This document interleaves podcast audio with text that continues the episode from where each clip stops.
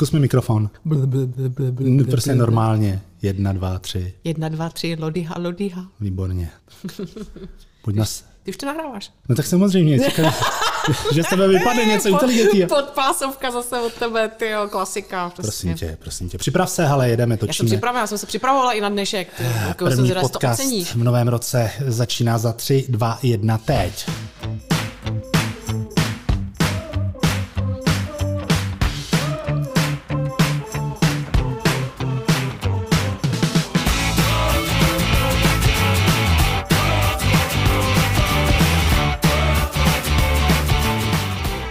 Vážení a milí posluchači, kteří jste ať už doma v práci nebo třeba v autě a posloucháte naši další epizodu skvělého realitního podcastu v režii Cikánková platil. Tohle je první díl roku 2022 a já od mikrofonu vítám skvělou, krásnou a připravenou Ivanu Cikánkovou. Ahoj Ivčo.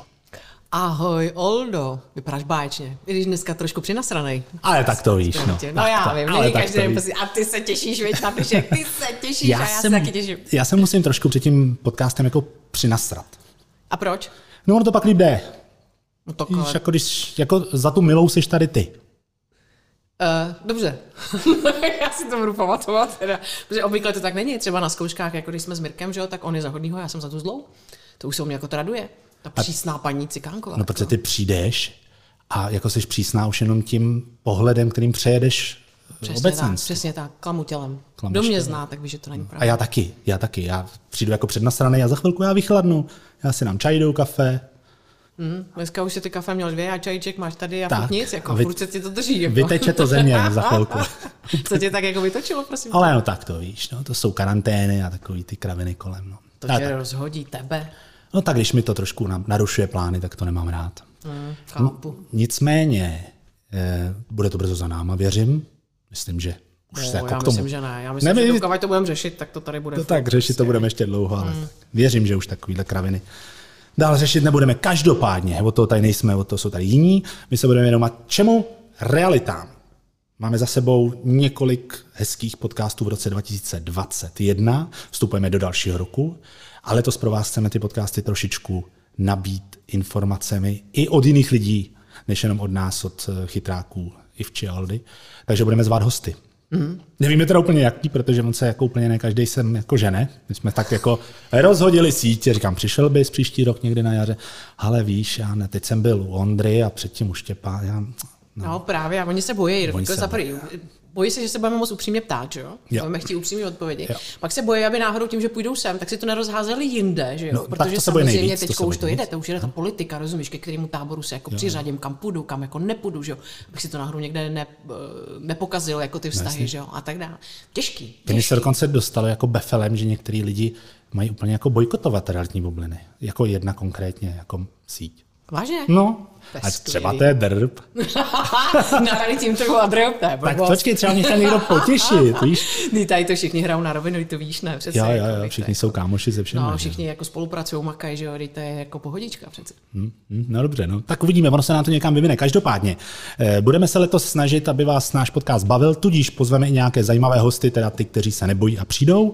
A zároveň bychom chtěli, nebo bychom, víš, to čeština, bychom chtěli reagovat i na Teď jsme punkový podcast, do toho Můžu, neboj se, bysme, můžu, bysme, budu říkat. Eh, Rádi bychom eh, reagovali na aktuální dění v realitách. Takže když se něco šusne a i v časi udělá čas, tak přiběhne, rychle to stočíme, v ten samý den to vypustíme ven. Takže se z nás stane takové tak drtinová veselosti realitního trhu. Ostatně drtinová je podobně přísná jako ty, mi přijde. Prostě můžeme to jako změnit, to téma, tam jako ty přísnosti, jako jít dál kousek, nebo...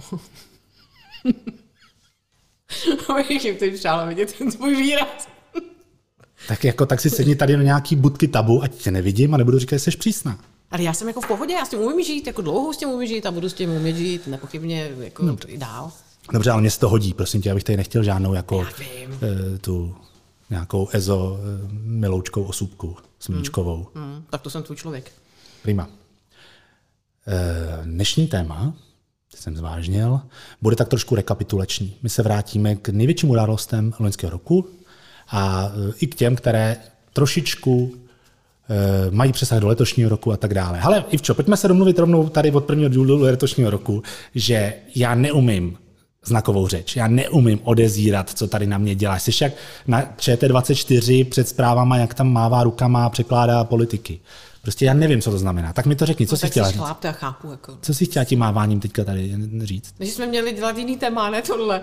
No, tak to si se spletla pořadí. Tak, když je první díl v roce 2022, tak schrnujeme rok 2021. Co bys chtěla dělat za díl? A to je pravda. Přece nebudeme dělat příští díl. No to je úplně jedno, já mluvím o pořadí v natáčení, ne pustit, pak můžeš cokoliv. A vzhledem k tomu, že ty nemáš vůbec čas, tak bychom schrnovali rok 22 pravděpodobně někdy v létě nebo 21. Takže to, pojďme to radši dát teď, dokud tu sedíš, dokud tu seš a dokud si to hlavně pamatuješ. Uvědom si, že zub času se může projevit i v tvé paměti. A to ti budu muset stejně napovídat, a to je leden. okay. Tak jo. Takže, přátelé, máme za sebou eh, zase takový ambivalentní rok, který byl do jisté míry poznamenán covidem, který se měl projevit i na realitním trhu. Ono se ostatně říkalo už v roce 2020, že eh, realitní trh bude postižen koronavirovou pandemí. Ono se to stalo, když si vzpomeneme na březen 2020, tak tady byl takový krátkodobý útlum, všichni jsme si sedli na ty trestní lavice, na střídačky, kromě Ivany. Ivana zase dělá znakovou řeč mimochodem, dělá, že ona ne, že ona neseděla. Eh, ale jo, 14 dní v březnu jsme asi seděli všichni, koukali jsme na neseděla, dobře. No tak to říkej, tak mluv, nemá výhra řekni, já jsem neseděla. Já ti nemůžu skákat do řeči, Můžeš. to budu nejenom za přísnou, ještě nevychovanou. Můžeš. Jako. Ne. tak ty si neseděla. Ne. Víš, proč jsi Já neseděla? Dokonce. Zlato, víš, proč ty jsi neseděla? Ne. Protože ty jsi byla dva měsíce v Egyptě zavřená v hotelu.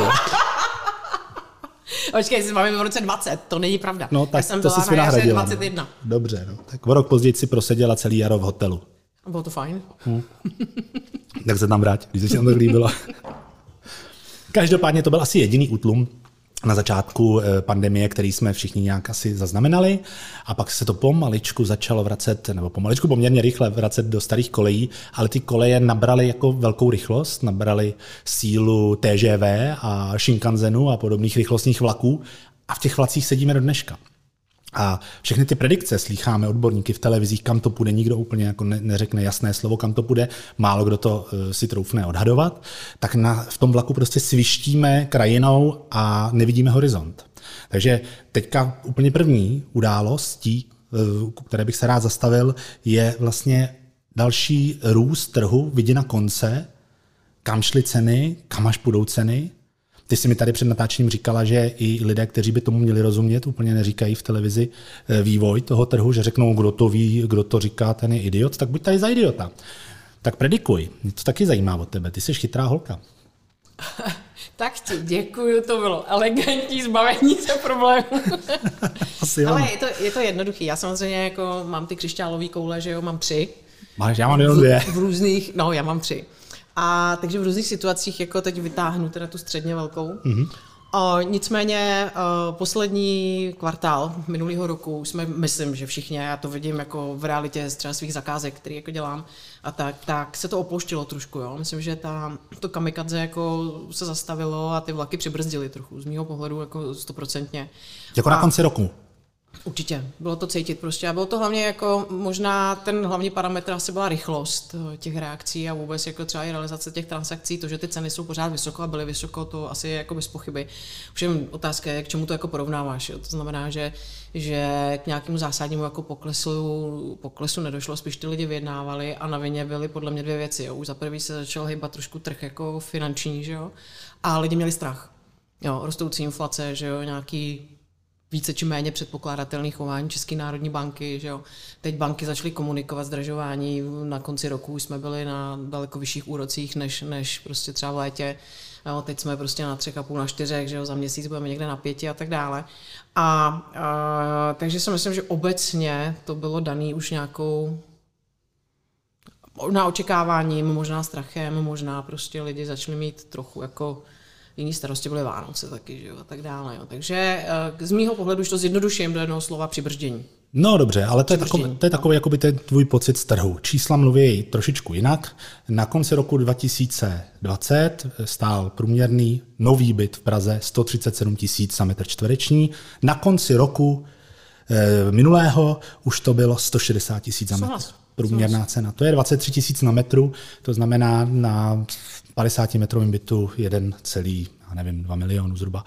Teď to tak rychle počítám. Takže... Jo, my jsme si třeba teď dělali v rámci jednoho projektu, který budeme dělat, nebo respektive je to projekt, který poběží ve více lokalitách, tak jsme si tam dělali nějaký cenový zhodnocení, jak za poslední čtyři roky jako vyrostly ceny a tam ty nárůsty jsou okolo 40 až 50 jo, takže je to samozřejmě jako velký a, eh, a jenom říkám to co, to, co jsem říkal předtím, že to není o tom, že by ceny měly jako klesat, ale že ta dynamika toho trhu, protože jsme se bavili o tom, že to bylo překotný, rychlý, strašně, že to jako Shinkansen, že jo, tvůj příměr, tak to se podle mě jakoby zabrzdilo, jo, ale jinak ty čísla se v absolutních hodnotách drží furt hmm. strašně jako vysoko a ty predikce, já bych se jich nebála, protože je to trend posledních 20 let, tak to tak bude i do budoucna. Ty ceny pořád porostou prostě nahoru, pořád prostě ty nemovitosti je jako je mm, dobrá investice, že jo, je to prostě něco, co tu hodnotu má, ztrácet jim nebude. To, že se nám segmenty můžou zhoupnout, Jasně, to je důležité jako rozškálovat do segmentu. Přesně tak, jako jo, vys, vys rekreační objekty, třeba díky covidu, že jo, to obrovský prostě boom, nárůst.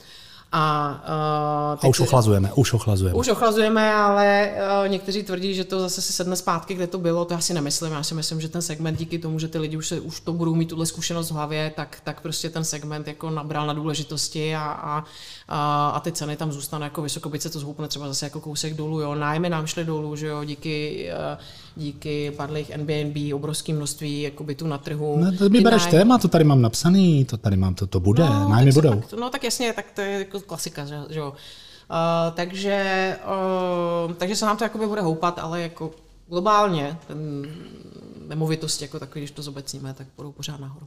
Takže kdyby tady mělo být investiční okýnko Ivany Cikánkové, tak tvoje predikce je růst, to znamená kupujte jedno, kdy, protože to stejně poroste. Je, je to tak. Jo, to znamená, jako říkám, z mého pohledu se to může projevit prostě na rychlosti těch reakcí, na schopnosti vyjednávat u těch kupujících a tak dále, protože kromě nějakých úroků, který z dlouhodobého hlediska v porovnání jakoby s inflací a tak není podle mě parametr, podle kterého by se ty lidi měli úplně jako, eh, jako rozhodovat. Vstupují tam prostě parametry, že jo, TSI, DSTI a tak dále. To nejsem finančák, tak do toho nebudu prostě jako se pasovat do role jako specialisty na finance. A to bych mohla chodit už do televize taky třeba. A Uh, tak ty věci, ty věci, jako samozřejmě interně v bankách to budou ovlivňovat, takže možná větší apel na to si vybírat finanční poradce, možná prostě jako větší apel na to se připravit, možná jako větší, to budou takové ty věci v praxi, že možná díky odhadům, protože taky nevím, jak ty odhady se třeba začnou jako chovat, že jo, a tak, tak tam bude ten tlak na to před rezervací si tyhle ty věci nechat spočítat, zhodnotit, jo, prostě jako struktura rezervačních smluv, třeba vracení poplatku a podobně. To jsou věci, se kterými se podle mě jako potkávali jsme se vždycky a budeme se potkávat možná ve větší míře ale hypotéky dál půjdou, banky budou chtít půjčovat, Bůh ví, kde budeme s úrokama za, za půl roku a tak dále. Takže já jsem tomhle jako optimista, protože život jde dál. Život jde dál a je potřeba se tomu jakoby přizpůsobit, takže určitě na nás realitáky tam bude prostě potřeba být flexibilní v rámci komunikace prostě s finančním poradcem, s klientem, mít trošku globálnější možná pohled, jo, jako t- mě nenapadá slušný slovo teď. Jako, tak řekni zprostý. jako s proměnčím nepřiposrat se z toho. Prostě ten trh jako běží a Uh, a jestli to teď bude pomalejší, tak pak to bude rychlejší a tak, ale v dlouhodobém horizontu jdeme furt nahoru a jo. půjdeme. Tady je zajímavý, akorát když se u toho zastavím, máš, souhlasím s tebou, ale eh, že ten eh, růst nás, náš vůči Evropě je tak markantní. My jsme mm. v celé Evropě druhý za Islandem. No, tak víš, že Island není srovnatelná ekonomika s náma, jinak bychom byli první. Island není v Evropské unii, takže my jsme vlastně první v Evropské unii, kde to vylítlo takhle nahoru. Prostě meziroční nárůst 20% u toho segmentu, zejména nových bytů, je obrovský. V roce 2021 na konci roku bylo v nabídce asi jenom 2,5 až 2700 nových bytů. Takže ta poptávka je výrazně vyšší, než je nabídka. My se za chvilku dostaneme ke stavebnímu zákonu, který eh, mnozí si myslí, že s tím něco udělá. Já jsem v tom trošku skeptik, ale, ale eh, ty ceny prostě vždycky žene jenom poptávka. Hmm. Jenom poptávka. Na druhou stranu, ještě když se vrátím k těm rekreačním nemovitostem, tam čekám taky ochlazení i z toho důvodu, co se stalo s energiemi na konci roku. To znamená, ono prostě pro rodinu nízkopříjmovou držet druhou domácnost, kde musí temperovat barák, dejme tomu, je tam, jsou tam většinou elektrospotřebiče, boilery, elektrické vytápění, tak, tak to je nemovitost třeba za 20 eh, tisíc ročně jenom na elektřině a možná, pokud tam jezdí dvakrát za měsíci, rozmyslí, jestli budou držet takovou nemovitost. Jako 100%, ale tady třeba, jako já když o tom mluvím, o těch rekreačních objektech, tak myslím zejména ty, ve kterých se dá celoročně bydlet, jo, protože je to, je to velmi pořád zajímavá ještě alternativa jo, k, k bytu. Jo. K bytu nebo k rodinnému domu, že jo, a, um, a tam ten nárůst byl jako nejvyšší, jo, to znamená ten parametr toho, chci tam bydlet celoročně, chci tam mít trvalý, um, trvalý pobyt a tak dále, takže, uh, takže tak jinak souhlas. Já jsem si tady vytáhl eh, titulky novinový, jenom na headliny, jenom nadpisy, aby viděla, jak se i jako média rozchází v těch názorech. Takže první tady třeba je nemovitosti, zlatý důl nebo černá díra na peníze. Příští rok rozhodne. Tím se myslí letošek, nevím. Ceny nemovitosti budou stále růst, ale pomalej. Investory láká uchování hodnoty. No tak to nemovitost jako konzervativní komodita rozhodně e, splňuje. Drahé nemovitosti, kde pak to pravé zdražení přinese až jarní stavební sezóna tvrdí jiné, jiné noviny. Takže uvidíme, naopak ceny bytů se blíží stropu, investice se už pomalu nevyplatí. Vynáší méně než státní dluhopis.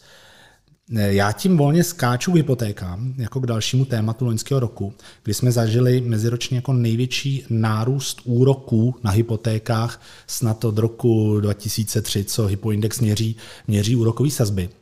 Na konci roku 2020 eh, byla průměrná nějaká úroková sazba kolem 2%, zatímco na konci roku 2021 je 2,99% podle hypoindexu, což je 1% meziročně, to je 50% nárůst na hypotéce. To se do běžné eh, splátky hypotéky proje... Teď jsme na čtyřech, že? A teď už je leden a už jsme, už jsme tři. Včera mi přišlo od Drivky nabídka, ať si zafixuju 3,99 Eh, což za ten měsíc se skočilo o procento. Eh, to jsou neuvěřitelné nárůsty, jsou tady predikce, že se dostaneme na 5 eh, až 6% Mám na tebe vědomostní otázku, jak Aleš Háma v televizním pořadu. Kdy byly historicky nejvyšší úrokové sazby u hypoték a kolik to bylo, Ivano? Nevím. Tak si typni. To nevím. To asi teda dobře, moje první hypotéka, to už je hodně dávno. to je, tak já jsem měla 5,49 a to byl to rok... bylo za císaře Josefa ještě. Ne, to bylo, no tak jako ano, z pohledu jako dnešního datumu ano, ale to bylo 2003. Mhm, 540 2003. 49 a pak už to šlo víceméně jakoby dolů. A jako předtím nevím, se přiznám, jo. že já to nevím. To tak, eh, nejvyšší úroková sazba byla 5,82% hmm. a bylo to v srpnu roku 2008.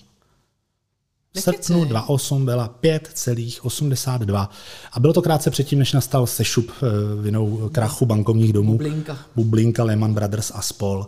Takže eh, hypotéky nám skáčou pěkně nahoru, ono je to samozřejmě daný eh, především tím, co dělá Česká národní banka s úrokovou sazbou, eh, která ji neustále zvyšuje. Eh, tím chce údajně brzdit inflaci. Já se tady nechci pouštět do nějakých makroeko a mikroekonomických debat, ale víme, že do hypotéky a do mezibankovního sektoru se musí zvýšení úrokových sazeb od České národní banky určitě projevit. Takže predikce tady jsou, že se na tuhle historicky nejvyšší úrokovou sazbu 583 dostaneme už možná na konci letošního roku nevím, je to trošku jako čerti na zeď, ale je to taky, taky mám jednu kouli křišťálovou. No vidíš, já si myslím, že v létě už budeme zase někde kousek níž. Zase spadneme. Já no. myslím, že duben, květen budeme někde přes těch pět a No ono, si myslím, on, že to zase půjde jako dolů trochu. Duben, ale... no jenže duben zase vstupují v platnost eh, pravidla pro dosažení eh, hypotéky, zase ty, ty zkratky záhadný DSTI a, a tak dále.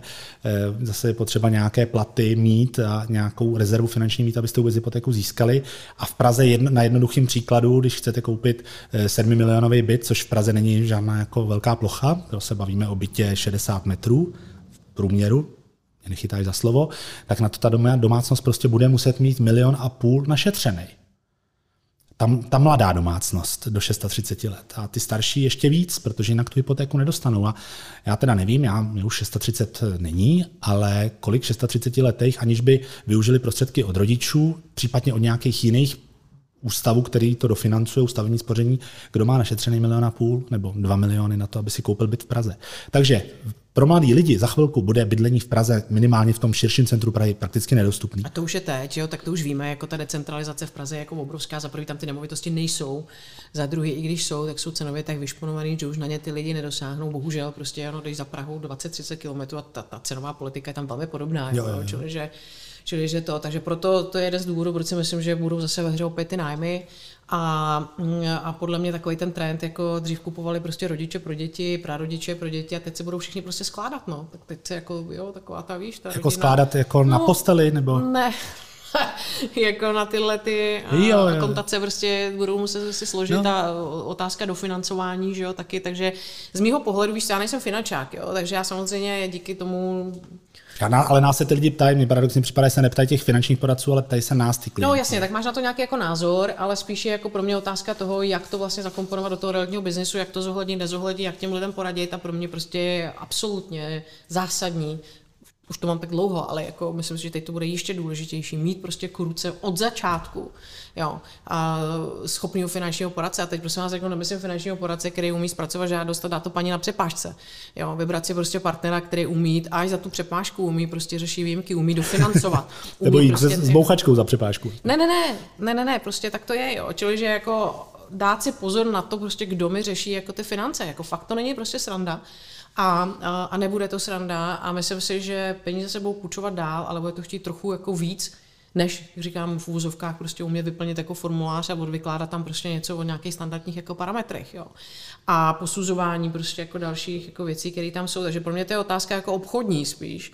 A já jsem realiták, nejsem finančák, že jo, ale k ruce jako vždycky toho finančáka mám, vždycky. A pokud prostě cítím, že tam bude problém, tak ho okamžitě prostě napáru na klienta a prostě řešíme to, protože to se bez toho jako oddělit nedá, jo. Takže a pokud klient neprojde, tak, tak protože budu tlačit jako do rezervace, což samozřejmě není populární názor, že jo? Ale já- Je, co, kam jsi mi to teďka uhnula? No to je úplně jedno. Jako ten, ten vývoj, bavíme se tady o nějakém vývoji, Aha. o nějaké predikci. Já si hmm. myslím, že tady v tom to budou nároky na ty makléře jako, Jo. jako růst. Jo? A jestli někdo si prostě myslí, že cílem je vybrat zálohu, pak ji nechat propadnout, protože někdo nedostane financování, no tak jako Tak to jsme v pravěku. Že? jo. Jasně, jasně. Pokud No, neotvírejme tohleto téma, protože já mám prostě případy, kdy ty lidi se jako sami znevěrohodnili před bankou, aby z toho vycouvali. Jo. Takže to je, to je v jaký Vím, taky tenký let. Ano, jakoby když to řekneš ale- úplně takhle přímočaře, někomu schrábnout pokutu za to, že nedostal hypotéku, je samozřejmě hnus. Mám to tušení, že to bude problém. Jasně, dokonce když to vím dopředu, že Nebo to bude to vím. problém, tak je to problém. Na druhou stranu, pokud ten člověk se tváří jako čistý a pak se na něj vyštrachá špína a on to celý zatajil a vlastně to věděl dopředu, tak je to taky problém. Si rozumíme. Jo, to je super, že si taky rozumíme. Nicméně jako řečnická otázka. E, je vůbec zdravý pro tu ekonomiku? E, to, co tady bylo doteďka, to znamená, že si někdo koupil byt na hypotéku téměř 100% a tu splátku mu platil nájem a ještě mu zbylo? Je, je to vůbec jako logický, aby, aby takhle fungovala ekonomika? Protože ta návratnost toho bydlení se samozřejmě, ta návratnost investice do bydlení se prodlužuje. Ale fungovala tady jakási rovnice, že si dokážu vzít 100% hypotéku, mám splátku, já nevím, 10 tisíc, u levného bytu, jo, bavíme se o bytech třeba kolem 2 milionů někde v okresních městech, a ten nájem mi pokrývá tu hypotéku, ještě mi zbyde. To je samozřejmě ten ideální případ. A to se dělo, to se dělo. To se dělo, ale loni už to neplatilo. Ale právě si myslím, že už to neplatí. Teďka aktuální číslo, co pro tebe opět tady mám připraveno. Index návratnosti bydlení je 8,57 ročních příjmů. Potřebuju 8,57 ročních příjmů, aby se mi vrátila investice do průměrného bytu. Zatímco v roce 2010, krátce po téměř konci krize Lehman Brothers a spol, to bylo 4,65.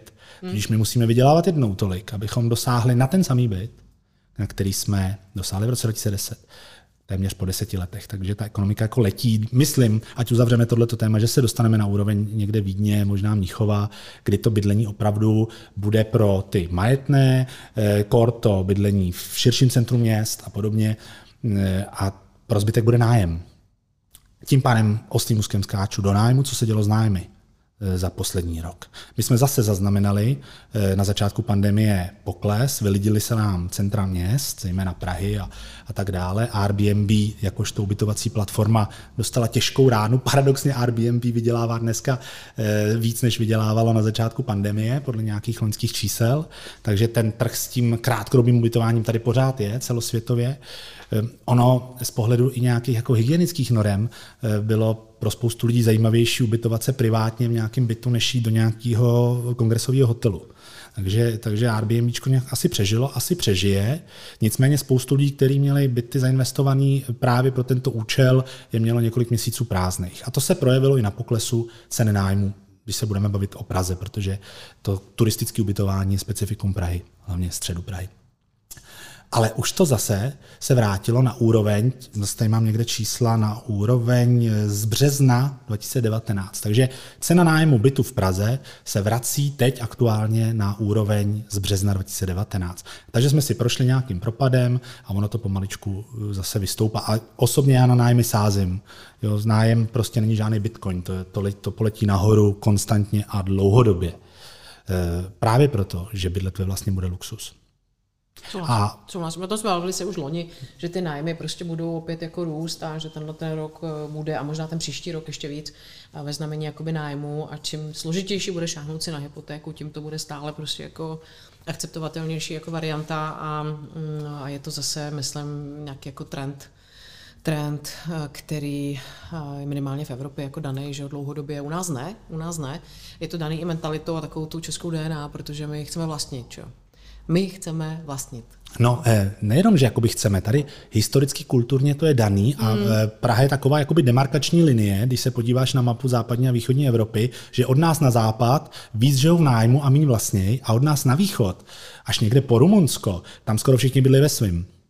A málo se bydlí v nájmu. Mm-hmm. Je to daný tím, že ty východní země hodně stavily z toho bytového fondu, takový to kolektivní vlastnictví a tak dále. U nás to taky bylo eh, výstavba bytů. Dneska se na to vzpomíná jako na zlatý věk, eh, zlatý věk stavebnictví. U nás je pravda, že v roce 75 se tady postavilo asi třikrát víc bytů za rok, než se tady postaví mm. teď. To je pravda, paneláková výstavba a podobně. Já to v žádném případě nehaním. Já si myslím, že jako pokud na to ten stát měl kapacitu stavební, finanční a podobně, tak ať staví.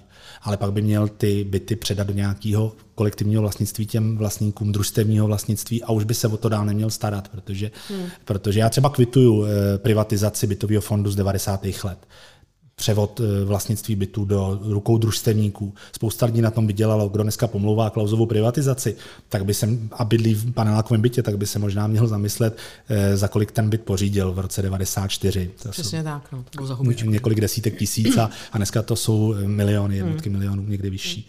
Takže teď jsem se tak jako taky zaspomínal. Takže mm, nájmy, jo, nájmy. Nájmy poletě nahoru, ale myslím si, že ruku v ruce s tím jde i profesionalizace té zprávy nájmu. Že ty, a teď se zase nechci dotknout i některých našich klientek, zejména e, i klientů, e, starší dámy, které, které to mají jako koníčka, pronajímají ten svůj byteček, který je vybaven nábytkem ze 60. let a sektorovými skříněmi a podobně. Je potřeba to trošku posunout dopředu, profesionalizovat to, neklepat tam každý den z bábovku a chodit si pro denní nájemné a, a doufat, že to nikdo neudá, nebude se to danit a podobně. Já jsem protože eh, pro, aby trh s nájmy byl profesionální i na straně pronajímatelů, i na straně těch nájemců. Hmm. To, to si myslím, že je rozdíl od toho západu. Tam není problém si pronajmout byt a setrvat v něm 5-10 let za jasně daných podmínek. Nikdo si nedovolí ten byt zdevastovat a na druhé straně, na straně pronajímatele, samozřejmě výjimky můžou existovat, na straně pronajímatele si zase nikdo nedovolí obtěžovat toho nájemníka. Bere se to jako služba, bere se to jako pronájem auta. Prostě tady je můj byt a nemám k tomu tu osobní vazbu, abych šel kontrolovat, jestli tam někdo vrtá hmožděnky a podobně. Takže nájmu já fandím a Eh, věřím, že to i letos poroste. A poroste to velmi konzervativně, pomaličku, ale se trvale. Jo, souhlasím. Tak. No, eh, stavební zákon, ten nuda, viď. Trošku jenom tak pošolicháme. Malinko jenom. Malinko. Tak letmo to No tak eh, vláda, vláda Andreje Babiše, dej pámbu, no. Lehkou zem. Já jsem chtěl říct většinou slávu a rychle jsem se zastavil. tak no, mír. Eh, tak zaplať pámbu. Eh, tak se tady pokusili mm, udělat nový, nový stavební zákon, který dokonce byl schválen a má vejít v účinnost je ve sbírce zákonů. A teď se nová vláda Petra Fialy snaží o to, aby se ta účinnost odložila alespoň o rok, protože tam jsou některé sporné momenty, které mm, pravicové vládě vadí a, a té předchozí nevadily. Eh, já samozřejmě, jak jsme se bavili o té výstavbě, že to brzdí výstavbu, já si nemyslím, že stavební zákon je primárně to, co brzdí výstavbu. Ono je to taky cena práce, ono je to cena materiálů, eh, cena energie a podobně. Takže eh, úplně bych jako se jenom neschovával za to, že nemáme stavební zákon, tudíž se nestaví. Já si nemyslím, že to bude o moc lepší, až ten stavební zákon bude, protože než se ten zákon se implementuje do těch pravidel běžného, běžný komunikace s úřady, tak to bude chvilku trvat. To, co vadí pravicové vládě a proč odkládá účinnost nebo snaží se odložit účinnost, je ta centralizace, to zřízení toho mega úřadu stavebního, který chtěla, eh, který chtěla ministrně Dostálová, aby se to všechno centralizovalo. Já se právě bojím, že jak se tady v té zemi něco centralizuje, tak nikdo neví, co kdo dělá a vlastně výsledku nedělá nikdo nic. A, a nová vláda chce, aby to zůstalo na těch obecních úrovních, kde ten úředník stavební zná tu svoji lokalitu, zná to teritorium, ve kterém povoluje stavby a může to být rychlejší to, na čem se shodli asi, že to musí být všechno digitální, že tam musí být jasný termíny, do kdy to stavební povolení bude vydané. To já vidím jako zásadní ty termíny. Jako... Oni dokonce tvrdí, eh, minister pro místní rozvoj Ivan Bartoš eh, tvrdí, mě to tak jako nejde, víš, minister pro místní rozvoj Ivan Bartoš, mě, s tou dostálovou, tak to mi tak, ale já bych ho prostě viděl trošku někde jinde, ale dobrý, tak vzal, vzal tohle. Tak uvidíme. Eh, tak on tvrdí o tom, že to bude tak digitalizovaný, že budeme stavební povolení řešit z gauče. no, teď super. Já se obávám, že to bude z gauče, ale v obýváku toho úředníka stavebního úřadu. Protože, no, nevím. Nevím. Ale, ale to jsou všechno důvody, proč se snaží eh, stavní zákon odložit a udělat novelizaci toho nově schváleného stavního zákona. Je to taková mantra, všichni se tím ohánějí, výsledek zatím nemáme žádný a, a obávám se, že to zase bude tak, jako že se něco eh, že se vlk nažere a kočka, koč, kočka vlk nažere kočky. A kdo, kdo, koza zůstane celá. No, jasně. Jo, je to tak. Já si myslím, že dokávat sem prostě nebude příliv opět jako v úzovkách jako levnější, byť kvalitní, třeba v mnoha případech i pracovní síly, že jo. A, a nestabilizuje se nám nějak jakoby dostupnost a vývoj cenu materiálu a tak dále, tak to bude furt takový jako na houpačce. Ale ty lhuty, jako to si myslím, že to je jako zásadní, protože aby se v Praze jako čekalo prostě na stavební polovení 7-10 let, že to nejsou jako výjimky. A to jsou soukromí jako... stavby a teď si no. vím, jsou tady dálnice, infrastruktura, no. stavby, které jsou nutné prostě pro zajištění chodu eh, krajů a měst a ty, se, ty trvají stejně dlouho se vždycky zasekne na nějaký zemědělský eh, aktivistce a podobně. Tak já... No buď na nějaký aktivistce nebo na nějaký broukovi, který tam zrovna se rozhodl, že tam bude chodit, že jo, a tak dále. Takže jako... Uh, Nech brouka žít. No. Takže všichni tomu jako rozumíme, ale mělo by to být asi nějaký, nějaký hranice, že? nějaký mantinel. No, doufejme, že stavební zákon bude a bude v takové formě, aby, aby pomohl stavebnímu. Já si myslím, že by měl hlavně pomoct těm malým stavebníkům těm, co si chtějí prostě postavit domek a teď kolem toho lítají. A ona jim leze ta hypotéka nahoru, leze jim ta eh, cena těch stavebních prací a oni ještě nemají kopnuto. Na začátku měli rozpočet, nějakou cenu díla a o půl roku později to stojí prostě o půl milionu víc a kde to mají vzít. No to za prvý a za druhý financují třeba na případech hypotékou a banka už jim víc nepůjčí, že znamená, hmm. oni nemají peníze na dostavění. To, no. jako, takže jedna z věcí, která se asi pravděpodobně i tenhle ten rok, i ten následující bude dít, je, že bude celá řada prostě jako rozestavěných nemovitostí nebo projektů, prostě na stůl nebo na trh. A, eh, a to bych očekávala, jako, jo, ale uvidíme. Fajn. Tak a telegraficky teďka ještě dvě, dvě takové témata, které jsou eh, komplexní i pro naše nerealitní posluchače a pak něco malého k realitákům a hotovo. No jistě. Elektřina, plyn, to bylo dílko, viď? září prostě se to rozjelo Bohemia Energy a, a celá skupina, celá skupina padla, padla na hubu. Do jisté míry samozřejmě vinou eh, špatných předpokladů o vývoji cen energií na, na trhu a taky Taky vlastně já si pamatuju, když to začalo na začátku září, kdy se ke mně, kdy se na nás obraceli klienti, že říkali, že jim z Bohemia Energy přišel e-mail e, o zdražení, respektive výpověď té stávající smlouvy, kterou, která jim fixovala nějakou cenu na příští dobu. A že prostě pokud nechtějí, tak jdou jinam. A když se e, jakýkoliv subjekt podnikatelský zbavuje klienta, kterého těžko získal, tak lacino, že řekne, hele, běžte jinam, tak je zlé. To, Já že si myslím, zlé... že celá ta situace byla jako manažováním toho projektu a kličkama, které jako se tam dělaly že jo, v, rámci, v rámci těch pravidel, které jako při tom nakupování jako ty elektriky a tak měly být dodržovány, úplně hmm. nescela byly, že a tak, takže jinými slovy vznikla černá díra, prostě, kterou už nebylo možné jako zachránit a proto to jako padlo.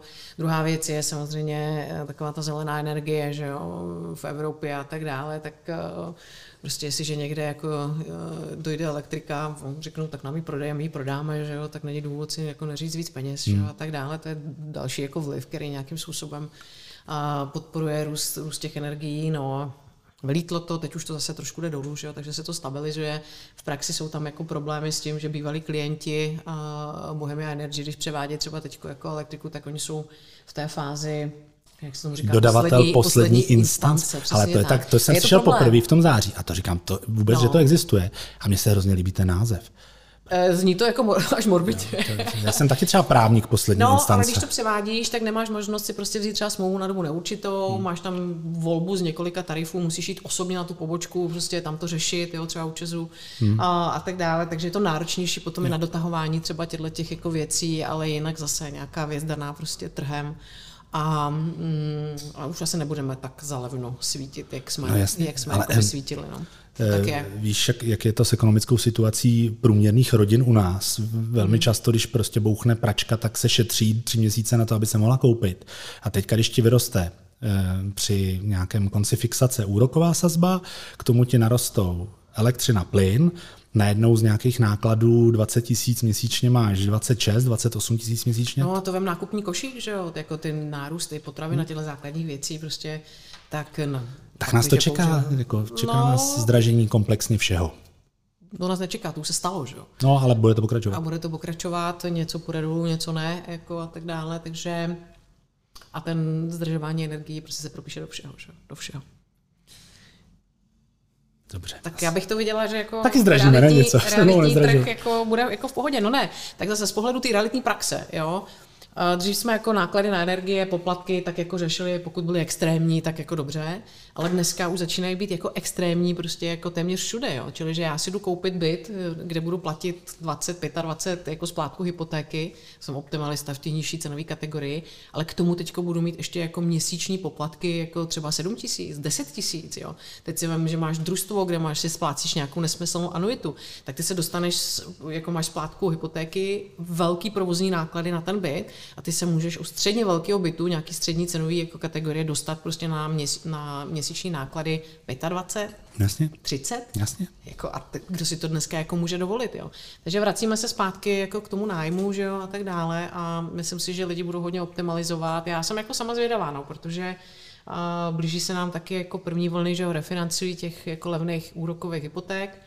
Jo, uvidíme, uvidíme, co tady to a lidi začali počítat, no. Takže samozřejmě i jako třeba při cenotvorbě a nas- naceňování jako bytu, to začíná být jako poměrně zásadní parametr, zásadní parametr mm, jako i, i té ceny, protože to má vliv prostě na, na zájem těch kupujících, že jo.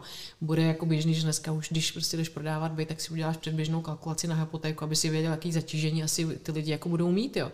To znamená, já když jdu dneska nabízet jako byt nebo rodinný dům, tak vím, jako když vemu 80% hypotéku, kolik bude stát splátka a vím, kolik jsou jako energie, umím si představit, jak asi prostě je to náročné na toho klienta. A co mi to teda za toho klienta ve finále jako profiluje, že jo. Jo, že když mi tam přijde někdo a řekne mi, já mám ženu na mateřský a příjem 30, no tak asi vím, že to nebude prostě klient, protože na to jednoduše nebude mít. Jo. Takže opět zase nějaký jako další parametr i pro ty realitáky, že jako musí už, jdeme tomu na vstupu, když to nebo to připravujou, tak se zabývat i těmi ty čísly, které si troufám říct, že jako jsme neřešili, že jo, úplně až tak. Neřešilo se ani kolik ten byt má měsíční poplatky, ani kolik má fond oprav. Prostě někdy se No. to tak jako bralo, že to tam nějak je a že to je cca 3 tisíce. Teďka se bude muset jít mnohem víc jako do hloubky a umět eh, udělat trošku finanční analýzu předem tomu klientovi, No no co to bude i, s, to, i s stát. tou očekávanou hypotékou, jo, protože prostě jako ty- ty, ty cifry budou jako abnormální. Jo, a tím pádem, když se bavíme o nějaký cílové skupině, který to chci jako nabídnout, tak v určitý fázi bude úplně jedno, jestli vymyslím webové stránky, nebo udělám nějaký super vizualizace, nebo se tady rozkočím ze třech vrtulníků prostě na video prohlídku. Ta ekonomická stránka věci podle mě jako bude daleko jako důležitější a ten reálek to bude muset jako hodnotit, jo? to znamená možná ještě důkladnější třeba vstupní rozhovory s klienty, který přijdou, rovnou už jako tadyhle na to si je nechat propočítat, rovnou prostě propojovat s finančním poradcem, vlastně možná ještě než půl na tu jako prohlídku. Jo? Takže si myslím, že ta příprava prostě bude jako daleko komplexnější a je to dobře. Já si myslím, že to je dobře. Tím se zkvalitní ta práce a zase prostě nepůjde na tu nemovitost každý druhý, který si jenom zrovna usmyslí, že se mu líbí jako nějaká fotka. No tak to jsme probrali asi ty nejzásadnější novinky nebo, nebo změny, které se týkaly roku 2021 ve vztahu ke klientovi. A teďka jenom v rychlosti takový dvě, tři věci, co se týká realitních makléřů, co se loni...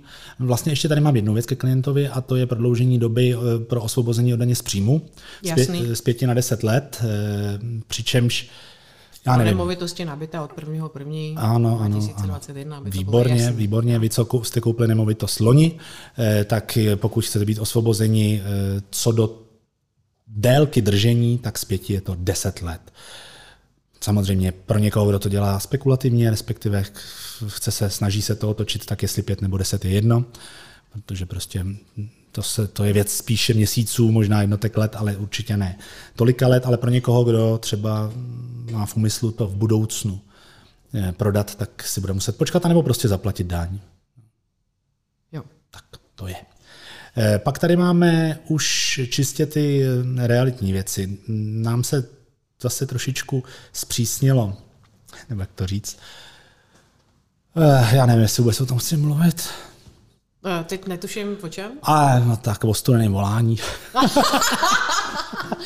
Jo, no tak to je jako samozřejmě, tak jako v tom případě o tom mluvit jako nebudeš, ale nicméně Ale přesto něco řeknu, při, že? připust, že na tom trhu to prostě jako ještě pořád Ano, je, je, a bude. Je, je, je. E, Nicméně, nicméně no, máme nějakou, myslím, že to je novela zákona o elektronické komunikaci, která nám výrazně zpřísnila eh, marketingové volání. To nejenom samozřejmě realitáků, ale všech, kteří volají na čísla z nějakých databází a podobně. Byl tam nějaký režim opt-in, opt-out, to znamená, že před tou novelou to bylo, že klient eh, musel projevit nezájem, nezájem o to, aby mu někdo marketingově volal. Teď je to naopak, že musí projevit souhlas. To znamená, pokud voláte na nějaké databáze, na nějaká čísla z databází, tak musíte mít kvalifikovaný souhlas toho klienta, eh, že mu tu nabídku můžete říct. Pokud to nemáte, tak porušujete zákon. Eh, Je to další krok k tomu, aby studené volání a podobné pravěké praktiky zmizely z trhu. Já se na to moc těším a mm, Ivana si čte a dělá, že mě neposlouchá. Ale já tě poslouchám moc dobře, jako tohle téma, jako víš, že když něj zabrusíme, tak okamžitě jako jsme Ne, tady... ale já do něj nebrousím, já už jsem si to tady řekl někdy před osmi podcastama, já jenom říkám, že tady máme nějakou novelu, a která to zpřísňuje. Tak jenom já tady varuju všechny studeňáky, aby si vyžádali kvalifikovaný souhlas klienta, že tu nabídku chce, respektive chce si ji vyslechnout. To je ono, o to jde. Jasně. A Zlý jazykové tvrdí, že jak si uh, volání jako v případě prodejů nemovitosti a jako vlastně týkající se realit bylo jak si trošku opomenuto, že by to z toho mělo být vyjmuto, protože Doufají, že to není to. to není. že to bylo vlastně namířené na ty šmejdy, že jo, na, na Bylo. ty klasický jako prodej a tak, což jako tam je to, myslím, jasný. A je to i na prodejce energií, že jo, v souvislosti s Bohemia Energy.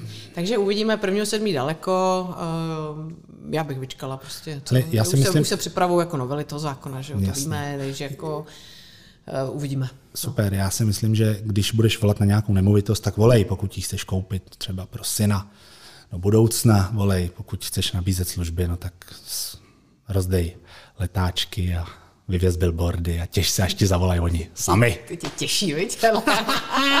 A bude hůř, bude hůř. Tak no a pak tady máme ještě eh, pro makléře to prokletý AML, to se loni zase, zase rozvířily vody, bylo jako desítky školení o tom, eh, jak eh, finančně analytický útvar půjde po realitkách. Eh, Samozřejmě je to, je to nějaká transpozice nařízení Evropské unie, je to v rámci celé Evropské unie, dá se říct i v rámci celého světa.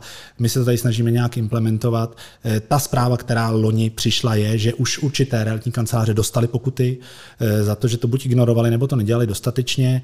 Eh, Já, my jsme si k tomu řekli V hodně, případech uh, to bylo tak, že vlastně nedělali ani ten základ, co dělat měli, že jako tam No já si myslím, že u té, u té moravské kanceláře tam nějaká snaha byla. Já se obávám, že ty realitní kanceláře jako na to ve, vel, ve velké míře nejsou připraveni tak, aby splnili na 100% ty podmínky toho zákona. Každý si to nějak vzal za své. Já už jsem to říkal i na té konferenci, že za mě ta cesta, pokud můžu si k tomuhle vůbec dovolit něco říct, by byla, aby tady teda vznikl úřad, který to bude kontrolovat ve smyslu toho, že my mu pošleme informace o tom klientovi a on si sám vyhodnotí, zda je rizikový či ne. Dneska je to tak, že makléři vyhodnocují rizikovost toho klienta, eh, nechci zabředávat do detailů, ale musí vyhodnotit, do jaké míry je rizikový a v případě, že je rizikový více, tak by ho měli nahlásit finančnímu analytickému útvaru, což spočívá v nějakém subjektivním hodnocení makléře vůči klientovi. Musíme po nich chtít samozřejmě občanské průkazy, musíme chtít informace o tom, kde k těm penězům přišli, jaký mají plat a tak dále. To jsou poměrně eh, přísné požadavky na, na to, co ten makléř má splnit. Já to chápu, ale nejsme profíci, aby jsme dokázali lustrovat klienta co do jeho příjmu. My můžeme získat nějakou základní informaci, ale pokud je ten člověk prostě ty peníze získal, já nevím jak, někde na černém trhu nebo prostě v nějaké šedé ekonomické zóně, tak to stejně na to ten makléř nepřijde. Myslím, že kdyby nám dali jasný rámec toho, jaké informace máme zjistit, ale zjistit objektivně, to znamená kopie občanského průkazu, dejme tomu kopie pracovní smlouvy, nevím, a to se všechno pošle na nějaký úřad a ten si to vyhodnotí, protože tam jsou profíci, aby odhalili tu trestnou činnost, tak OK. Do té doby, dokud to bude dělat makléř svým subjektivním pohledem někde od stolu a řekne si, jo, ten kupuje družstevní byt, aha, má na to peníze v igelice, to je nebezpečný, anebo to není nebezpečný, tak si myslím, že to pořád úplně nesplní účel toho, proč ten zákon vznikl a kam má vést, to znamená k omezení trestné činnosti, praní špinavých peněz a tak dále. Tak. Jo, souhlas a hlavně jako já si myslím, že tak je nějaký jako minimum, který je asi jako neoddiskutovatelný a to, že některé kanceláře nemají taky jejich lenost víc než cokoliv jiného a pořád je to téma, který je podceňovaný. To je prostě fakt. Uh, druhá věc je, že um, z pohledu té kontroly, jo, uh, vlastně není jako jaký checklist, který je daný, jako tohle musíš mít, tohle musíš mít na téhle úrovni. Ne, to oni vlastně můžou si tam jako v rámci toho výkladu si hmm. můžou plout jako mezi těma parametry, který tě kontrolovat a vlastně je to neuchopitelný. I když ta kancelář to dělá, tak teoreticky ten kontrol, když chtít vždycky jako něco najde a ty sazby jsou jako strašný, že jo, je relativně jako malý jako pochybení. Jo. Tak to je velký projev, protože to je podle mě jako projev zase určitý jako nástroj nějaký zlovůle, kterou může využít ten státní aparát nebo prostě ten úřad pro to, aby tě jako klepnul přes prsty. A jsme tam, kde jsme, takže stačí jedno blbý udání, že budu si chtít někomu pomstit prostě a pro určitou velikost kanceláří tohle udělat jako dvakrát do roka, tak může být jako likvidační. Jo? Nevím, jestli to dělat dvakrát do roka, to mi zase někdo nechytá za slovo, ale jako v principu rozumíš. Jo? Čili, že prostě není, není daný kontrolní jako mechanismus nebo respektive ty mantinely, ve kterých se ten kontrol může jako pohybovat, takže se to dá zneužít. To je průser. A druhá věc, prostě přehází na tebe nějakou jako odpovědnost a dělají si z tebe hlídací psy taková jako novodobá jako lidová milice na kontrolu AML, jo, prostě. Tak to prostě je, jako je to v tom hrubém výkladu. Jo, a to je jako špatně, že nemáš na to vzdělání, nemáš na to mnohdy jako bohužel ani IQ, jako u, u některých lidí to tak taky je fakt. A mm, uh, takže opět, jako prostě zadělávání si na průser, že? Jasně, já jsem, já jsem, kdyby se dostali jako informace... ten nástroj asi sám o sobě je v pořádku, jo, asi kdyby si věděl, že to je, že to jsou prachy, které tam někdo inkasuje, protože pase nezletilý prostě a dělá nějakou dětskou prostituci, tak se z toho pozvracíš a je ti špatně. Jako to, to, asi nikdo by jako nechtěl, víš, jako ad absurdum, úplně v tom principu. Jo, ale tady se pohybujeme zase někde, kde všechno je jako Jo, tady se pohybujeme prostě v v situacích, které se ti nestanou a vedle toho se prostě dočteš ve zprávách, že nějaký pan táta nanosil do, do banky ve vodičkový 90 miliard v igelitkách za několik let. Jo. No, jasně, jasně. No tak protože je to jednodušší, že? protože jsme malí, tak jako je jednoduchý po nás. Že? Na druhou stranu jsem, eh, se ke mně dostalo, že jsou nějaká, nějaká vůle ze strany, ze strany některých poslanců novelizovat ten zákon nebo to nějak přizpůsobit. Eh, já tady nechci úplně kašít do asociace, věřím, že i tam má nějaký, eh, nějaký nástroj k tomu, aby tlačila, tlačila na mm, nějakou budoucí novelu nebo minimálně na vyjasnění těch podmínek, co se týká. Takhle, ale můžeme se tady vyprávět, co chceme, může se nám to líbit, nelíbit. Každopádně prostě ten zákon tady je, ty parametry tady jsou, dodržovat to musíme, poprat s tím musíme, jako ten tě toho dělat musí. Takže... No ale základní princip práva je jeho předvídatelnost předvídatelnost. Jo. Ty musíš prostě vidět, co po tobě právo neboli zákon chce a co ty mu díky tomu musíš dát. Pokud tohle nevíš, tak je to opravdu nástroj spíš nějaký diktatury než demokratického zákonodárství. Proto tady máme asociaci, proto komu se to nelíbí, znáší požadavky, máme prostě možnost to prostě komunikovat dál, jako to je furt o tom samém. Že? Ono se to děje tak jako v rámci diskuzí v různých jako skupinkách jo, a vlastně co tak, s tím? Tak, on to někdo zvedne, ten prapor. No, tak to jsme hezky si schrnuli rok 2020. Jasně, mohli bychom se ještě bavit, tady máme nějaký... Že... Máš tam ještě něco? Ne, nějaký marketing cookies, katastr, že jak měl takový ty tendence, že se nebudeš moc podívat do katastr, katastr to vyřešil nějakou registraci e-identita. A nebo přes kód. A kapča kódu, no, tak nebo kapča, to kapča kód, takže no. kdo chcete zjistit rodná, jako rodná dobrý. čísla, kdo se zjistit rodná čísla kohokoliv v této zemi, tak stačí kapča kód. Tolik ochrany osobních údajů. Když přijde takováhle věc, tak jich okamžitě prostě se zvedne oh, to bude průser, hysterie, prostě tohle my nemůžeme, a teď na to začnou vznikat články počkej, každý, každý na to napíše e-book. no, přesně, e-book. Každý napíše e-book a rozešle to v těm svým 20 tisícům mailovým adresám na Copenhagen a pak ti to zahltí no, mail. Protože nedělají ticho po pěšině a řešení je úplně racionální. Že? Ale ještě na to jsou čtyři školení, na které jsou ještě pozvaní zástupci státní zprávy, aby to vysvětlili. Přesně tak. Takže tak, no. jsme to zajímavě zakončili. Eh, Já jsem na začátku zapomněl říct, že jsme loni absolvovali živá setkání, realitní těším. bubliny live mm. a protože si troufnu říct, letos nebudu tak jako namyšlený, eh, že to mělo drobný úspěch, tak eh, se pokusíme to letos zopakovat v více variantách. Mám... Jsi jako dal předsevzetí, že letos půjdeš do sebe, jako že budeš pokorný, nebudeš arrogantní. Letos budu strašně skromný kluk. Oho. Chceš? Ne. Tak ne. tak ne. Ale bylo to peckový loni. Prostě neodolatelní moderátoři samozřejmě a realitní bubliny live. Letos eh, se chystáme, když eh, Omikron se nepřekolopí v nějakou Omegu a podobně, tak bychom se mohli už snad někdy v předjaří, či dejme tomu v březnu, na konci března sejít opět tady ve školicích prostorech Brumlovka a dát si další, další dobrý eh, bubliny se skvělými hosty a skvělou moderátorkou Ivčou Cikánkovou a mou maličkostí. A Oldu platila. Na to se těšíme. Tudíž těšte se, doufám, že už v brzké době vyhlásíme termíny a zároveň témata pro letošní rok a my se s vámi těšíme u příštího podcastu naslyšenou a můžete nás odebírat na tradičních podcastových aplikacích Spotify, Google Podcast a co je to poslední proba? A e, Maria, Android, něco, Google Podcast. Ještě někdo to někde poslouchá? Spotify. Apple, Apple Podcast. Jo, Jo, jasně. jo, no, Spotify, prostě všude, všude, kde to jde, protože Olda je maximalista, takže to nadspal všude, kde to jde. Všude. I No na a Hestrality to můžete. No a jinak samozřejmě všem krásný rok 22, hlavně ve zdraví. A zachovejte selský rozum i v souvislosti s omikronama a tak dále. Buďte optimističtí a zároveň negativní. A buďte zdraví. Buďte zdraví. Mějte Čau, se báčně. čau, čau, čau. Ahoj.